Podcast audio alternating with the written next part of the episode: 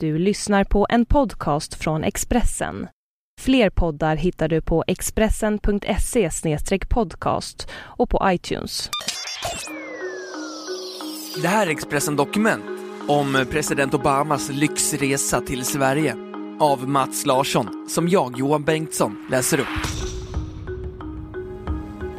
President Barack Obama kommer med lite mer än 23 kilo i bagaget när han anländer till Sverige imorgon. Han tar i princip Vita huset med sig. Kontoret är nerpackat i Air Force One, limousinen kommer separat.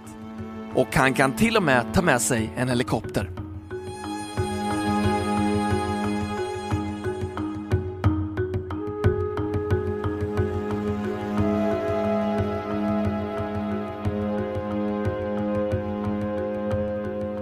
Flygledarna på Arlanda kommer imorgon förmiddag att få anropa världens kanske mest kända plan, Air Force One. President Barack Obama är under inflygning. Presidentplanet har som bekant varit här förr. De två ombyggda Boeing 747 de två ombyggda Boeing 747 200 b som står till den amerikanska presidentens förfogande togs i tjänst första gången 1990 och George W Bush flög med ett sånt när han besökte Göteborg 2001. Men det har hänt en del med Air Force One sedan dess.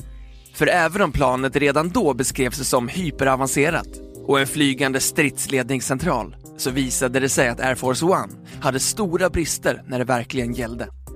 Och det gjorde det under terrorattacken den 11 september 2001.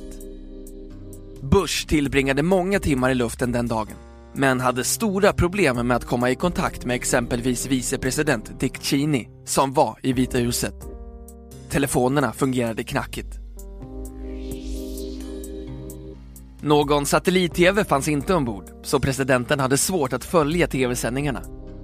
President Bush kunde heller inte sända något tv-tal därifrån. Allt det har ändrats sedan dess. Obama kan sända tv-tal till nationen om man skulle behöva från Air Force One. Och han kan se sportkanalen ESPN utan problem, en favoritsysselsättning när han reser.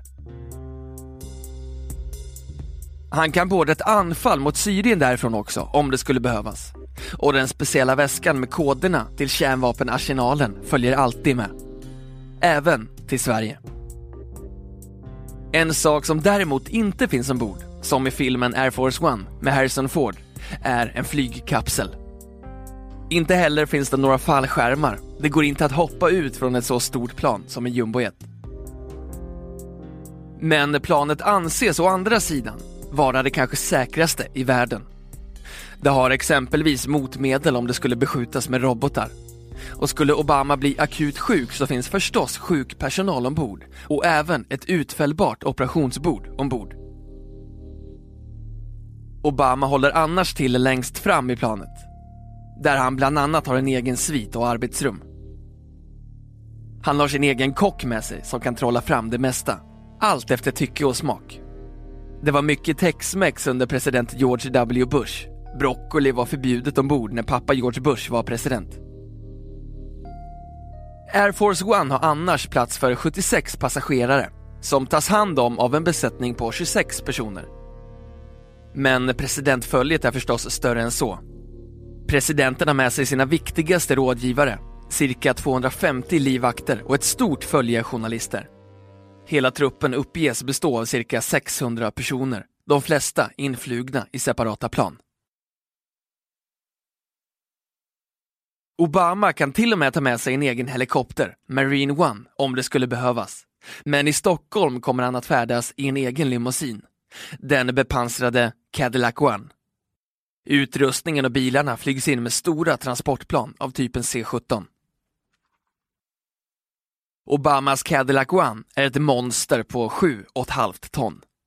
Bottenplattan är en 13 cm tjock pansarplåt och dörrarna är 20 cm tjocka. Allt för att klara av både beskjutning och bomber. Nyfikna som har turen att se karavanen fara förbi ska vara beredda på att två likadana Cadillacs kommer farande. Allt för att försvåra för eventuella angripare. Presidentkortegen brukar i regel bestå av mellan 20 till 40 bilar. En del specialutrustade för att exempelvis upptäcka kemiska eller biologiska hot. Alla kortegevägar har i förväg gåtts igenom och granskats av Secret Service. Det gäller även Grand Hotel där presidenten väntas bo. Amerikanerna har tagit över hela hotellet och kvarteren runt omkring är avspärrade under besöket.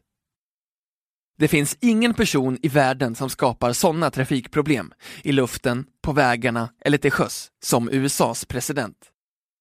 Stockholm lär få erfara det imorgon.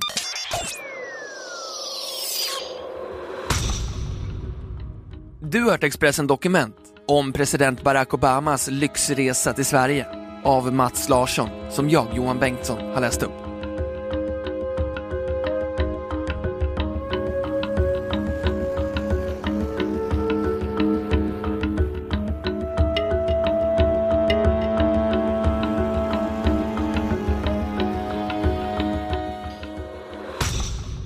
Du har lyssnat på en podcast från Expressen. Ansvarig utgivare är Thomas Mattsson. Fler poddar finns på Expressen.se och på iTunes. Ett poddtips från Podplay. I podden Något Kaiko garanterar östgötarna Brutti och jag, Davva, dig en stor dos skratt. Där följer jag pladask för köttätandet igen. Man är lite som en jävla vampyr. Man har fått lite blodsmak och då måste man ha mer. Udda spaningar, fängslande anekdoter och en och annan arg rant. Jag måste ha mitt kaffe på morgonen för annars är jag ingen trevlig människa. Då är du ingen trevlig människa, punkt. Något Kaiko, hör du på Podplay. Därför arkadeinerna.